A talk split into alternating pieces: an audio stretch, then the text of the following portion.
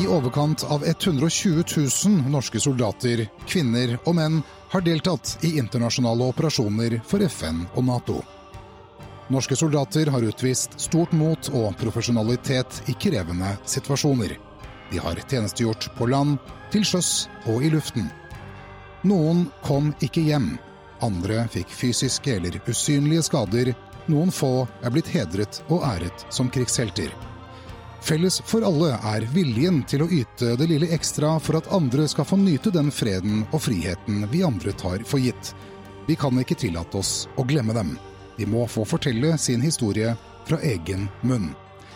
Et øyeblikk, en evighet, gir deg norske soldaters mest intense øyeblikk. Øyeblikk som varer en evighet.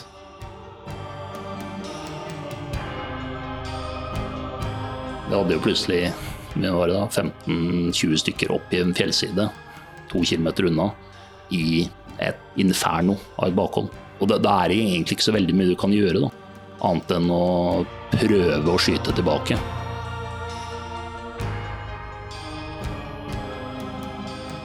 Ja, velkommen hit til Et øyeblikk en evighet. Vi er tilbake i bygning 1 i Arkiligården på Akershus festning. De gamle kontorene til Gunnar Sønsteby, og eh, nå et museum for de som har fått eh, Krigskorset. Med meg i dag så har jeg Jørgen Bull. Velkommen til deg. Takk skal du ha. Har du noe forhold til eh, Gunnar Sønsteby og motstandskampen fra annen verdenskrig? Ja, det vil jeg jo si. Det, det jo, har jo på en måte vært en del av oppveksten. Morfaren min var jo motstandsmann og grenselos. og har jo hørt mange historier opp gjennom oppveksten om våpendropp og smugling og våpenlager i kjelleren på motsatt side av uh, veien for Gestapo-kvarteret i, Fredrikstad, som han drev og administrerte osv. Så, videre. så jeg vil jo si at akkurat motstandskampen har vært en del av oppveksten. Er det noe som har, du har tatt med deg videre? Du har, du har hatt en lang militær karriere, og den kommer vi tilbake til, men er, er dette noe du har eh, tatt med deg videre? Ja, det, jeg tror det er sånn at sånne ting bevisst og ubevisst påvirker en. Men jeg har alltid hatt en sånn dragning mot å jobbe med det militære. Så vi kan, vi kan, vel si det sånn. Ja, for du fortalte meg før sending her at du, du begynte veldig tidlig. Ja, jeg, jeg begynte, begynte, som HV-ungdom sånn litt før det var lov. Så da har, du, da har du vært med en stund? Ja, så det var eh, tidlig start. En sped start med litt sånn HV-mauser oppe i skogene rundt Råde. Så ja. utrolig hva man kan plukke opp da, vet du. Du har kommet en lang vei siden da. Befalsskole, plikttjeneste, det ene med det andre. Ja. Jeg har jo hatt en uh, veldig spennende karriere i Hæren. Det var 22 år til sammen. Så jeg har vært litt sånn ut og inn. Så det er som jeg sier, jeg har et åpent forhold til Hæren.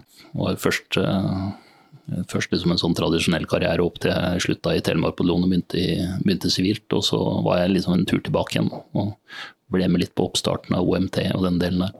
Hvis du skal se tilbake på din utenlandstjeneste, så har du jo en rekke deployeringer. Ja, jeg har jo vært med på litt forskjellig opp igjennom, den her eh, Hæren begynner å delta i internasjonale operasjoner som fant sted fra sånn 2000 og utover. Så det starta med egentlig å være i Kosovo med rekruttering av kompani fra Ambatlon. Altså rett fra førstegangstjeneste, opptrening og så ni måneder i Kosovo. Det tente vel en interesse for å ikke bare være innafor Norges grenser militært. Da. Så når eh, nyetablering av Telemark-bataljonen kom opp på arena med ja, verva soldater og, og, og, hele den, den dreiningen der, så var vel en av, jeg var relativt motivert for det. Så heldigvis så fikk jeg anledning til å bli med på, på oppbygging av MEC3 fra starten her i 2002. Jeg føler på en måte at jeg har vært med på hvert fall starten av den, av den delen av det.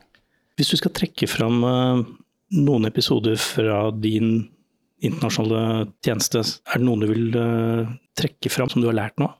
Ja, det er jo et, det er et omfattende spørsmål. Men uh, jeg tror det er, jeg vil si, sånn sett så hadde jeg jo egentlig en anledning til å bygge på måte kloss på kloss med Intops-erfaring. Vi starta jo med på en måte den rolige delen i Kosovo, og så de første rundene i, i Afghanistan var jo også Selv om det var farlig, så var det jo en, på en annen måte enn det vi opplevde på slutten.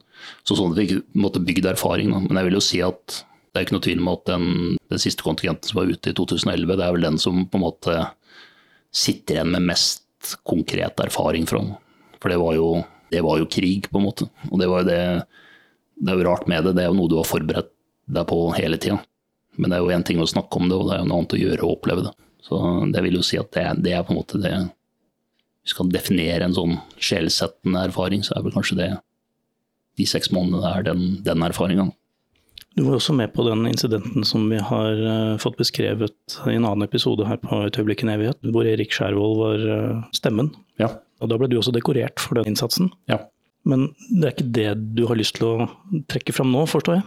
Nei, det er jo andre som kan fortelle den historien. I den grad det er min fortjeneste at jeg fikk, ble dekorert for det, så er det i hvert fall på vegne av alle de som måtte slåss i de to-tre døgna det, det varte. Så de er kanskje like godt i stand til å fortelle den historien som det jeg er. Så jeg tenkte egentlig at vi kunne Det er jo andre, andre steder å dra i nærområdet rundt Maimane. Det, var jo, det var jo stort sett bare å kjøre ut av leiren, så var det jo ikke grenser for hva som kunne finne sted. Jeg tror den, den episoden som, eller den operasjonen som det ligger vel så mye læring i, er den eh, runden vi hadde i midten av slutten av juni, sørover fra Maimane, også den andre retninga fra den, den, du refererte til. Der skjedde det jo kanskje vel så mye. Eh, og det som er litt spennende med den, er jo at eh, det, er liksom Man kan jo dra disse historiene hvor alt går bra, men den egentlige læringa ligger jo i de gangene det ikke går bra. Og jeg, jeg tror på en måte at det sitter igjen med, med en sånn samla erfaring fra 2011, så er det jo nettopp det at um, krig er jo det du ikke klarer å kontrollere. Så Den troa på at, at, man kan komme inn i en sånn situasjon og være liksom overlegen, det er, fikk vi jo smertelig erfare flere ganger at uh, det er vi jo ikke. Det var vi jo ikke. Altså, det, det, er fort med at man liksom tenker at vi har verdens beste soldater, vi har verdens beste våpen, liksom, vi er godt trent. Det er klart at her er det bare for å dra ut og rydde opp. Men spesielt denne operasjonen som vi skal snakke om, det opplevde vi jo det at vi verken var overlegne eller slåss særlig smart. Eh, I hvert fall ikke innledningsvis. Og fikk jo rett og slett litt bank, da. Og det er jo ubehagelig. Kanskje først og fremst det man må lære noe av. For du hadde jo en lederrolle. Du var jo, eh, som du selv sier, eh, verdens beste MEC-kompanisjef. Ja, det var jo ikke tvil om det. Så, og det, det er jo, du er jo man er jo det, da. Og så er man jo i tillegg på en måte Får man jo anledning til å, til å utøve fullt og helt det man er trent på i mange år. Og, og, det er klart, da er det jo en reell fare for at ego kommer litt i veien for deg sjøl, da. Men for å sette scenen her, så det dreier seg om noen huler? Ja. Nei, altså, eh, Operasjonen var i sin natur veldig enkel. Sørover fra Maimane, det er hovedbyen der norskstyrkene opererte ut fra, så er det en svær demning. Og den demninga den står for hoveddelen av vannforsyningene til byen. Og der hadde jo Taliban selvsagt satt seg fast nedi den dalen der. Så kan man si at det var jo altså det var mer komplekst enn som så, da, for det var jo noen krigsherrer og en del sånn litt sånn shady politisk eh, afghansk bakgrunnsspill oppi det hele. Men essensen var det at de hadde satt seg fast nedi dalen der. Og oppdraget til norskstyrkene i samarbeid med afghanske sikkerhetsstyrker var jo å rydde dalen. Altså, Oppdragsformuleringa var clear, som militærfaglig og er et høyt, høyt ambisjonsnivå. Det betyr jo for alle praktiske formål man skal rydde hele dalen. Det skal ikke være igjen noen. Så, sånn sett så var det et relativt offensivt utgangspunkt da, for det vi skulle gjøre der nede. Det hørtes jo veldig ja, aggressivt ut. Ja, eh, det, det var ikke tvil om det. Det var, et, det var vel sånn som jeg forsto det, et av de mer sånn aggressive oppdragsformuleringene som norske styrker hadde fått fra ISAF, altså fra, fra Nato-nivå. Så det ble trumfa sammen en ganske veritabel styrke. Jeg tror På norsk side så var vi vel en eh, over 150 mann som dro nedover. Og på afghansk side så ja, var det i hvert fall tre ganger av det. Så det, det afghanske bidraget det lå vel på over 500 mann totalt sett. Så det var jo et eh, robust jerntog med kjøretøyer som dro nedover dalen der. Og så kom du til da, denne famøse, ja. dette famøse punktet? Ja, det er det som er litt interessant. da, fordi at eh, som militærfaglig sånn, så lærer man jo man lærer jo å legge en plan, gi ordrer og hele den greia der. Og det er veldig fort da når, når du gjør det, så, og, og, og, selvsagt du er, eh, du er rimelig god da, og har en avdeling som er rimelig god, så er det jo lett at det blir sånn at planen blir sånn det kommer til å skje. Så du overbeviser deg sjøl om at, at, det du har tenkt ut, da, det er jo helt klart mye smartere enn han på andre sida. Og da, da er det jo egentlig bare så lenge du gjør det, så er det bare det der å, å fikse greier. Så Nå spissformulerer jeg litt, men jeg tror det ligger en sånn litt sånn all, alvorlighetsgrad i det. Da. For det er veldig lett at vi når vi trener og øver i Norge, at vi setter oss sjøl opp for suksess. Det har noe med måten vi forbereder oss på også i det, som det litt større bildet. Ja, Det er ikke noe særlig forberedelse på å ikke lykkes. Nei, Nei det er jo ubehagelig. Så det prøver vi jo egentlig å unngå. Det, det å ikke lykkes er jo litt sånn Da er du ikke verdens beste MEC-kompanisjef, og da er du jo da er du mye brattere. Hva gjør verdens beste MEC-kompanisjef da du Hva gjorde du da du hadde sendt folk opp for å undersøke disse hulene som dette dreier seg om? Nei, altså, det, det, det blir jo på en måte litt sånn at du, så si, du, du har lagt en plan for hvordan dette skal gjøres. Og, og så, da forventer du jo egentlig at da motstanderen skal opptre sånn som, sånn som, planen din sier at han skal gjøre, og det skjer. Så altså, når vi kom ned der, så, så, fant vi en veibombe. Vi fant en, dessverre en afghansk familie som hadde kjørt på en annen veibombe. Men det skjedde ikke noe mer. Og det var jo helt i henhold til det vi hadde på en måte forutsett. Så litt sånn maskinelt da, så blir det jo ja, hva er det neste vi skal gjøre? Jo, vi skal sende noen for å undersøke disse hulene. Og så gjør man det. Da ble det satt en norsk-afghansk styrke på bakken, da, med, men det er jo flere hundre høydemeter i 50 varmegrader, så det var jo egentlig det var ikke så mye man kunne ha med seg opp der, annet enn det man, det man klarte å bære med seg sjøl. Så heldigvis så grupperte jo hele kompaniet rundt da, for å støtte hvis det skulle skje noe. Så, sånn som militærfaglig så ble det jo heldigvis gjort riktig, da, sånn sett. Men det er jo klart at uh, når de soldatene vi hadde kom opp i fjellsida der, så, så, ble vi jo tatt bokstavelig talt med buksa nede. For det at uh, da, da, lå man jo og venta. Vi gikk jo måte, rett inn i en situasjon som vi jo ikke var i stand til å håndtere i det hele tatt. Så vi hadde jo plutselig 15-20 stykker opp i en fjellside, to kilometer unna, i et inferno av et bakhold. Og det, det, er egentlig ikke så veldig mye du kan gjøre, da. annet enn å prøve å skyte tilbake. Men det, det er jo ikke så mye effekt av det å stå og skyte på 2000 meter opp på noen fjellhurer som du knapt aner konturen av hvor kan være. Mens du da har 20 soldater som prøver å komme seg ut i live. Og det er klart da, akkurat der og da, så møter du en del sånne så, sånn sett i ettertid, da, så er det mye læring i det. For da, da er du plutselig ikke verdensmester lenger. Plutselig er det fienden, eh, motstanderen din, som egentlig bestemmer eh, og setter agendaen. Og man er jo ikke engang reaktiv, for man klarer jo ikke å respondere på det som du blir utsatt for. Det er jo egentlig bare å stikke halen bokstavelig talt mellom beina og håpe det går greit. Det, det, det, er jo en uh, ubehagelig nedoverbakke for, uh, ja, for verdens beste Mac-kompanisjef. Hvor lenge var du verdens beste Mac-kompanisjef? Ca. ti minutter. Cirka ti minutter. Ja. Og så kom jo virkeligheten. Ja, det treffer virkeligheten. Den realitetsorienteringa på det er, ligger jo i det at veldig ofte når du trener altså når, man, når man setter opp treninger hvor man egentlig har som utgangspunkt at man kommer til å lykkes, da, så, så, vil du oppleve det at det, det får du hele tida også bekrefta gjennom den måten du kommuniserer med avdelingen din på, liksom på radio og osv. Men det, det første du oppdaga, var jo egentlig at stressnivået økte ganske, ganske dramatisk. Fordi at eh, de soldatene som var satt i situasjonen, var jo rett og slett redd for å dø. Og prøvde å komme seg ut av situasjonen på best mulig måte. Avdelinga rundt, som da skulle støtte, skjønner jo at dette er i ferd med å skjære seg. Og det preger jo stemninga. Så, så, du sitter jo da på toppen av pyramiden, og så er egentlig pyramiden under deg ganske bekymra for om, om, dette går bra. Det å oppleve det på, på, flere måter, men det har noe med stemmeleie, så hvordan ting rapporteres.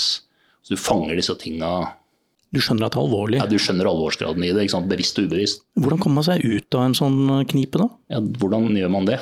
Det er jo Jeg tror på en måte du må ha litt flaks, da. Men jeg tror samtidig at flaks er noe du gjør deg fortjent til. Og flaks i dette tilfellet er jo det at vi har enormt dyktige soldater og, og ledere på lavere nivå som, som, gjør de riktige tinga. De gjør de det trent på. Så de, de stikker jo ikke av. De slåss jo. Når en afghansk soldat ble skutt oppe i fjellsida der, så stopper man. En norsk soldat løper jo tilbake flere titalls meter opp bakken i en situasjon som er jo nærmest helt unaturlig å gjøre. Man gjør det, henter han ned igjen, konstaterer riktignok at afghanske soldaten er død, men man, man gjør de riktige tinga hele veien. Og flaksen ligger jo i det man eh, Det, er jo de soldatene som berger deg, da. Det er, det er, det at de vet at de skal gjøre de riktige tinga, og gjør de riktige tinga. Det er det som berger situasjonen. Og det tror jeg er en av de tinga som vi som På en side er det der med å passe seg for det å trene for suksess. Men jeg tror også vi har noen andre veldig riktige ting som er bygd inn i måten vi utdanner avdelingen og utdanner soldatene våre på. Det er jo det der med initiativ. Egenvurdering og initiativ. Du kan stole på det at en norsk soldat, norsk lagfører, norsk troppssjef satt i en situasjon som er umulig, så kommer han til å tenke sjøl. Og det er den tenkinga som berger deg i situasjonen. For de som kommer ut igjen, som du sa, det var med tap? Ja, en afghaner, en afghansk soldat som, som, gikk med i saken. Heldigvis uh, hadde vi ikke noen norske som ble såra eller, eller skada, men det var, vel, det var vel mer det tilfeldigheter. Det kunne like gjerne vært en av våre. Og det er klart, da, da får man jo en følelse av uh, Det er jo lettelse, det er ikke tvil om det. Men faktum var jo at dere blei jagd, ja. rett og slett. Og hvordan er det å være leder da, når uh, du har faktisk tapt? Nei, det, det, er det, det, er jo det altså, altså, hvordan du i en sånn situasjon gjenvinner kontroll. Da. Når du er på toppen av pyramiden og, alle er, altså, det, det, er jo et ordtak sant, at det er ensomt på toppen. Og det er ikke tvil om at du føler Du føler jo på det. Altså, det jeg merka med meg sjøl, uh, eller jeg, jeg merka det jo egentlig ikke sjøl, det er jo ikke helt presist, for at jeg ble jo stressa. Du blir usikker og du blir stressa. Jeg vet jo det, sånn i etterpåklokskapen, at du er trent til og du det, der med at stress smitter og, og stress undergraver og, og, stress skaper usikkerhet.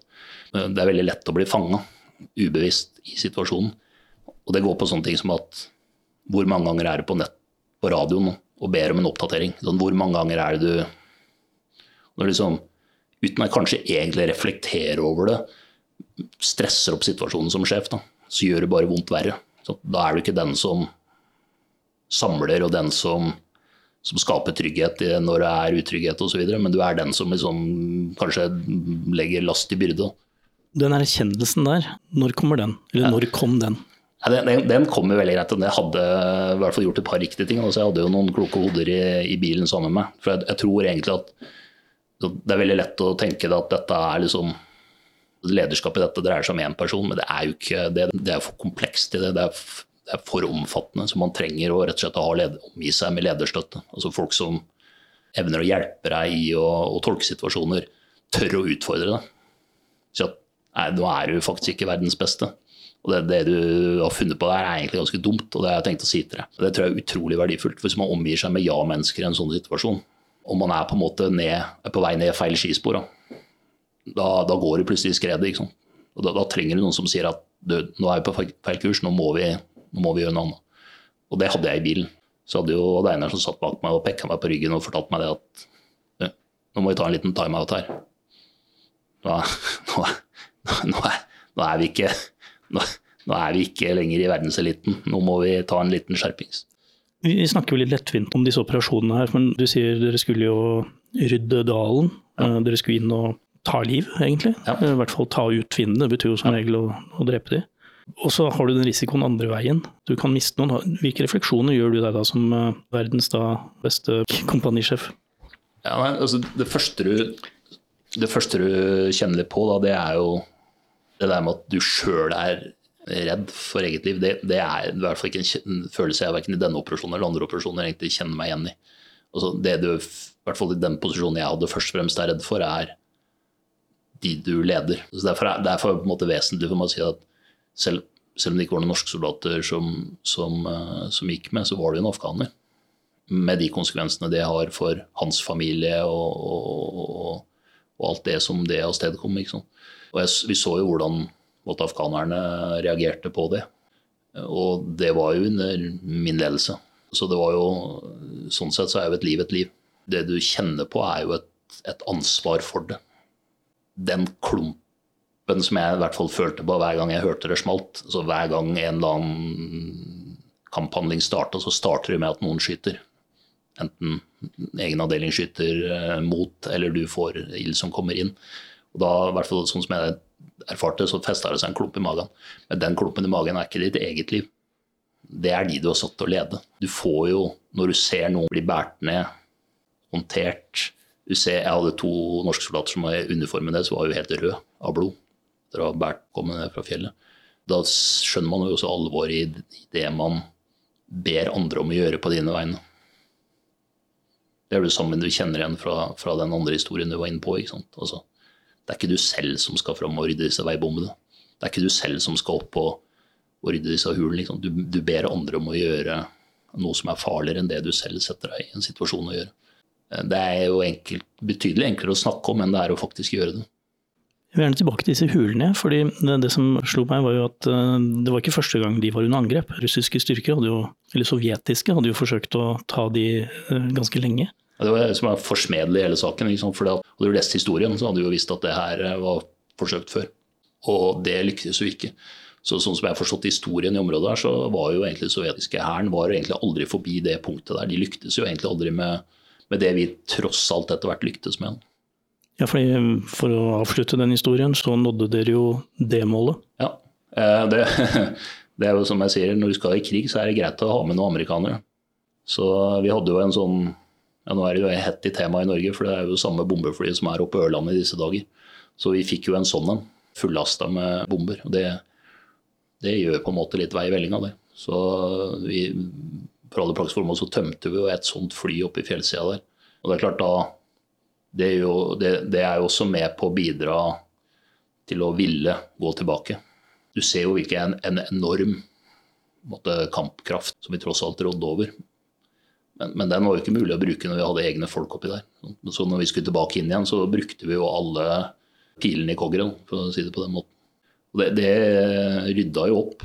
Og det er klart, for en, for en på motsatt side som opplever det, så er det ikke noe tvil om at uh, viljen til å slåss blir kanskje litt mindre. Da. Det var jo også nøkkelen til å vinne over lokalbefolkning i dalen. Skjønne at ok, det, disse mener alvor, disse kommer ikke til å snu og dra. Så vi, vi sto der nede i nest, jeg tror vi sto der litt over ti døgn. Og sånn sett så var jo, en, var jo det en suksess i den forstand at uh, Taliban kom aldri tilbake i den dalen, i hvert fall i den perioden norske styrker uh, I hvert fall i den perioden vi var der nede. Så var det aldri behov for å dra ned i den dalen og rydde opp en gang til. Operasjonene fortsatte jo, og det var andre daler ja, og andre utfordringer. Nok av daler og utfordringer. Og så motiverer du deg igjen for å dra inn i nok en dal? Ja, altså, den, den, den uh, situasjonen er jo var på en måte i, i området rundt Maimane slik at eh, som jeg sa i sted, at du kunne jo nesten ikke stikke hodet utafor leiren uten at det skjedde et eller annet. Altså, Taliban hadde jo det totale initiativet, egentlig. Det, det, eneste vi kunne gjøre, var jo å uh, sette oss opp i bilene våre. Sende denne ruteklareringstroppen foran for å lete etter veibomber. Og måtte da bevege oss i, i beste fall liksom marsjtempo da, til det minerydderne våre klarte å å gå foran, foran kjøretøy. Og så veldig mye mer avansert enn det var jo ikke egentlig det vi kunne gjøre. Og, og det er klart at når da Taliban velger å angripe norske styrker bare kilometer utafor leiren, var jo flere uker i, leiren hvor man hadde begrensninger på hva man fikk lov til å gjøre pga. rakettskyting osv. i nærområdet rundt, så må man jo prøve å altså man, har jo på en måte lært det litt på krigsskolen. At man, opp igjennom at da må man jo prøve å tenke litt nytt. Fordi det var jo egentlig for det norske altså, Det undergravde jo hele tilliten til uh, det man prøver å gjøre. Altså, når du ikke kan kjøre to kilometer utenfor leiren uten at Taliban liksom fritt, fritt kan velge hva de gjør med det, så, er du ikke akkurat, da er du ikke i ferd med å lykkes. så det var jo egentlig litt sånn finurlig historie, men uh, vi, vi, leverte jo inn da en, en søknad om, eller en sånn request da, for å få helikopterstøtte. Så det rett og slett gjøre noe annet enn å komme langs veien fikk litt hjelp, fikk litt hjelp av noen amerikanske offiserer som jeg ble kjent med, og satte opp en sånn, eh, sånn request da, og, og, sendte inn. Så gikk det noen dager, og så ble jeg kalt inn til et, uh, kalt inn til et møte oppe i den amerikanske helikopterbrigaden som lå oppe i, i, var en del av ISAF-styrken oppe i Nord-Afghanistan, oppe, i Masar el-Sharif. Jeg fløy opp dit med, og skulle da inn på et møte. og uh, kom inn i et enormt møterom, og det var jo skokkfullt av amerikanske offiserer. Ble plassert rundt et bord og bedt om å avhende denne briefen, denne operasjonsbrifen som jeg hadde blitt bedt om å ta med. Og så, og så kom obersten, brigadesjefen, inn i rommet. og Alle reiste seg selvsagt, og ansatte seg. Og så satt jeg, var det jo som, egentlig ingen som sa noe mer enn at da var det denne norske majoren da, som skulle levere denne brifingen. Så jeg eh, begynte jo å brife, jeg, og forklare litt hva vi hadde tenkt. Da. Det var Midt i den brifingen så reiste jo han obersten seg, tok med halve følget og gikk. tenkte jeg da, Og blir det i hvert fall ikke noe helikopter. Så tror jeg det var et par av de som ble igjen, og som liksom catcha at kanskje han, kanskje han nordmannen der ble litt for fjamsa. Så, så, så, da sa jeg tror det var en oberstløytnant som sa da at I think the operation is approved.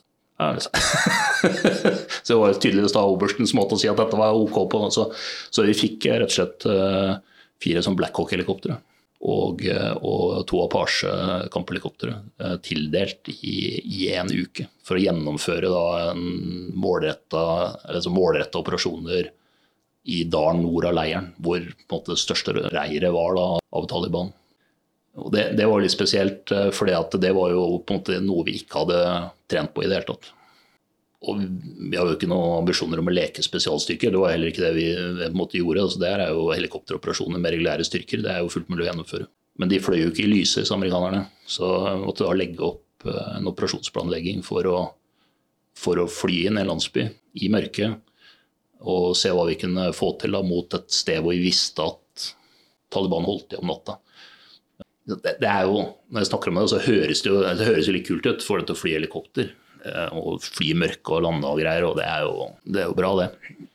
Men, men jeg, jeg, tror egentlig ikke Jeg satt, jeg husker jeg satt på flyet ned og hadde fått det så godkjenning på at de kom til å komme. da, og det var liksom Et par dager etterpå så skulle de være på plass. Da Da skulle vi sette i gang. og Da det jeg liksom alvoret går litt opp for deg, da, at uh, dette kommer til å skje. For da er det vel en annen dimensjon her også, at uh, det bor jo ikke bare talibanere Nei. i de husene. Det er jo, altså Risikoen for sivile tap er jo overhengende. Ja, absolutt. Pluss at det var på det daværende tidspunktet måtte lagt inn en del reguleringer på hva, på hva ISAF-styrker fikk lov til å gjøre. Bl.a. nettopp med det for å begrense risikoen for sivile, sivile afghanere. Og det, liksom, Den kompleksiteten i det du da plutselig er blitt med på, da, det, det, eller har bedt om, er jo egentlig 'careful what you wish for, you may very well get it'. Måtte, tenking. Det, det, jeg merka det da jeg kom ned og skulle liksom, samle ledelsen i kompaniet. og sånn, det, det, var ikke noe sånn Det var ikke noe jippi. Det var ikke noe sånn yeah. Det var relativt tyst. Jeg tror du egentlig kunne høre en knappenål ramle når, når du faktisk går på folk hva det er de skal gjøre. Så, så måten vi angrep tilnærma oss dette på, var jo å legge opp det treningsopplegg. Vi hadde jo også en rådgiver fra, fra Norsk spesialkommando med oss som hadde litt erfaring innenfor, innenfor dette, som måtte var til stor hjelp. Jeg tror la opp en ganske sånn edruelig tilnærming til hvordan vi kunne gjøre dette. Så trente vi enormt mye. Så vi la jo opp, vi holdt jo på timevis og trente og trente og trente for å få dette til å, til å sitte og fungere da, igjen, sånn som vi hadde planlagt. Og når vi planla, så var det på en måte basert litt på en erfaring vi hadde opp fra, opp fra disse hulene. Så istedenfor å måte tenke ut planen sjøl, så var vi veldig fokusert på det at ok, her er problemstillinga. Tropper, lag, tenk på hvordan vi skal løse det, og komme tilbake med en, med en anbefaling på løsning. Slik at hver og en får et eierforhold til at dette har vi jo sjøl vært med og lagt premissene på. Det tror jeg er utrolig viktig når på en måte jeg husker, Du, du, sånn, du forbereder deg på dette, og så kommer tidspunktet. Ikke sant? Helikopteret står der, du skal laste om bord, du sitter i det på vei ut. Det er regulære, vanlige norske soldater, det er ikke liksom spesialkommandoen. Og da, er det veldig greit da, å ha den der forankringen, den vissheten om at den kursen vi har staka ut, den skal vi følge, og det, det har vi et eierforhold til det, vi, det står vi samla om. Det bygger du gjennom måten du planlegger på, det bygger gjennom måten du trener på. Og en sånn liten finurlig ting som, som jeg egentlig aldri har tenkt over, men som det var en av troppssjefene som sa bør vi ikke gjøre det. Og så ha en sånn klart i strid-inspeksjon hvor liksom, jeg som kompanisjef da gikk rundt, så hver eneste soldat som skulle fly, i øyet. Sjekka utstyret og alt var på plass. Vi hadde satt av en time til å gjøre det. Da. Og tenkte, Hvorfor det? Men, men, det ligger noe i det. Ikke sant? Å sette hver mann i øyet. Sånn. Det har jo egentlig ikke noe om han har tatt med seg alle håndgranatene sine, eller, eller uh, om han har med seg vann, eller om, uh, om lysforsterkningsbrillene hans virker. Det, det, det, er bare på en måte jeg å si, unnskyldninga for å gjøre det.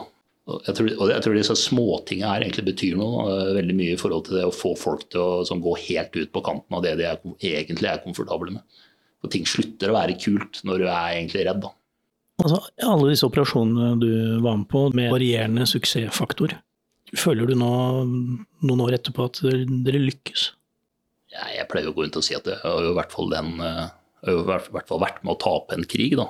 Så det er jo ingen som kan si at Det er vel vanskelig å på en måte si at man har eh, lykkes i Afghanistan. Bare å ta en titt på nyhetene stort sett eh, annenhver dag, så ser man jo at det ikke er tilfellet. Men, men jeg tror det er forskjell på, på det og spørsmålet lyktes vi som avdeling i det vi hadde fått i oppdrag å gjøre, og med de forutsetningene vi hadde.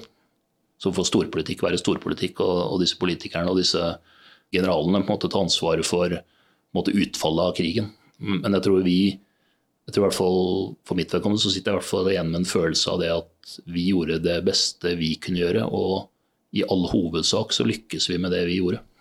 Og vi, vi, vi evna, basert på måten vi trener på når vi er bevisst, da sier jeg vi, når vi er bevisst, når jeg som sjef var bevisst på det at dette dreier seg egentlig om det kollektive lederskapet dette med å ta imot anbefalinger, faktisk gjøre noe med det. Og tilpasse oss og være tilpasningsdyktige. Så, så der har vi klart å lykkes på en, på en, veldig god måte. Jeg tror vi gjorde et par ting eh, som, eh, som skremte denne fienden ganske langt nord i dalen. Bl.a. helikopteroperasjonen. Første natta lyktes vi jo. Altså, vi landa jo midt i, midt i det reiret vi kanskje tenkte var der. Og det var jo, et, det var jo resultatet av samarbeidet. Vi hadde etterretnings eh, som hadde på en måte kommet fram til dette. Vi hadde, sånt, det var, det var sånn, vi hadde tenkt ut dette sjøl. Vi rår jo ikke over alle disse her innhentingsressursene av diverse droner og, og, alt mulig rart som andre avdelinger på en måte har. Dette var jo litt kreativ tenkning, god analyse, god trening. Så lyktes vi jo. Og det, det kjeppjaga jo Taliban ganske langt nord i, i, i dalen. Og, og, gjorde jo også at vi fikk etter hvert anledning til å sette opp en sånn lokal sikkerhetsstyrke altså rekruttert fra disse landsbyene som selv ønska å på en måte bevare fred og ro rundt seg. Jeg tror det var så enkelt. Jeg tror ikke det hadde så mye med tilhørighet til ISAF og Nato og sånn. Det dreide seg mer om å få lov til å sørge for at avlingene ikke brant opp sånn annenhver uke pga. kamphandlinger og sånne ting. Er litt sånne enkle tinga tror ikke det er egentlig så veldig komplisert. Jeg tror ikke det dreier seg om demokrati og kanskje ikke så mye om så veldig mange sånne komplekse ting, eh, egentlig. Det dreier seg om eh, Nå har kornavlen min brent opp for andre uka på rad. Det, det, skal vi kanskje gjøre noe med. Liksom. Jeg tror, jeg, jeg tror det var så enkelt. Da. Men, men, da må du sette et par sånne tannhjul i bevegelse, som f.eks. å få bort For det vi så, var jo at eh, Taliban, som var jo på langt nær noe frigjøringsstyrke, de for jo grovt fram. Blant annet den landsbyen som jeg snakka om vi fløy inn med helikopteret, så hadde de jo en av de altså en av de eldre i landsbyen som en sånn symbolhandling på en fredagsbønn. Så, så det er perspektivet at dette liksom dreier seg om noen sånn snille frigjøringslokale uh, stykker, det er jo ikke tilfellet. Det er jo tsjetsjenere og, Det er jo samme gjengen som noen år senere dro og vi har slåss mot Irak. Ikke sant? Det var en ny krig, ny mulighet sånn sett, ja, jeg tror vi, vi fikk jo gitt de noen nesesyvere. Nå i ettertid som du er eh, beveget over i det sivile på ordentlig, hvordan er ditt forhold til å være veteran? Nei, jeg, jeg tror jo at uh, jeg tror det har stor verdi. For at man, man, har jo lært på en måte liksom sine egne grenser å kjenne. Og veit jo på en måte litt hvor, hvor langt man kan gå. Man har jo oppriktig kjent på, på måte, egne sterke og svake sider satt i krevende situasjoner. Og, og det er klart det er, det er, jo langt fra et kontor på Kongsberg til, til strid i en by, landsby i Afghanistan, men, men, det er samtidig en viss overføringsverdi da, med det at man, man, man har jo en trygghet i seg sjøl, kanskje, først og fremst. Og det, det, tror jeg vel er, sånn som jeg tenker, noe vi har vært tjent med. Da å få sterkere fram i, i, i, veteran, i disse veterandiskusjonene. At jeg tror veldig mange har disse erfaringene, og de representerer jo egentlig en, en, en styrke. Det, det, er jo en grunn for at amerikanere Jeg prøver å bruke det som et eksempel. Liksom, hvorfor snakker man om the greatest generation? 15 millioner amerikanere eller et eller annet der omkring. Langt nær alle hadde selvsagt vært i krig, men ganske mange. De kom hjem etter annen verdenskrig og får jo til noe det, det, betyr jo egentlig at man har med seg noe som er konstruktivt, som er bra, på et personlig plan. Kanskje også noen erfaringer om hvordan man jobber sammen. Sånn, hvordan får man team til å fungere, også i vanskelige situasjoner.